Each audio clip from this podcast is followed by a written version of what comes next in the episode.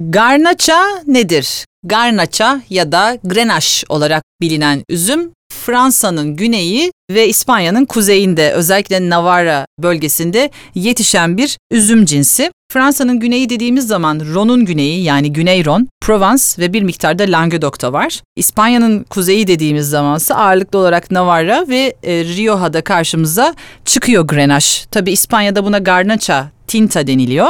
Fransa'da da Grenache Noir e, deniliyor ama kökeni İspanya diyebiliriz bu üzüm için. Çoğunlukla oldukça açık renkli şaraplar yapar. O yüzden roze şarap üretiminde çok popülerdir. Navarra'nın ve Provence'ın rozelerinin meşhur olmasının sebebidir aslında Grenache. Açık renkli şaraplar yapar. Yani kırmızı yaptığında da açık renkli şaraplar yapar. Asiditesi düşüktür. E, zaten farkındaysanız bahsettiğimiz bu iki bölgede oldukça sıcak bölgeler. Sıcak bölgelerde asidin düşük olduğundan bahsetmiştik. Düşük asitli, yüksek şeker miktarı sebebiyle de yüksek alkollü şaraplar yapan bir üzüm cinsi. Fransa'nın güneyinde yaptığı şaraplardan en önemlisi Chateauneuf du Pape'tır. Tabii tek başına değil biliyorsunuz Chateauneuf du Pape 12-13 çeşit üzümün karışımından üretilen bir şarap. Ama ana dört üzüm sayacak olsak o şarapta işte Syrah, Grenache, e, ve Senso diyebiliriz. Onun dışında Côte şaraplarını, Côte ve Côte Village şaraplarını gene Syrah ile yani Şiraz'la beraber yapar.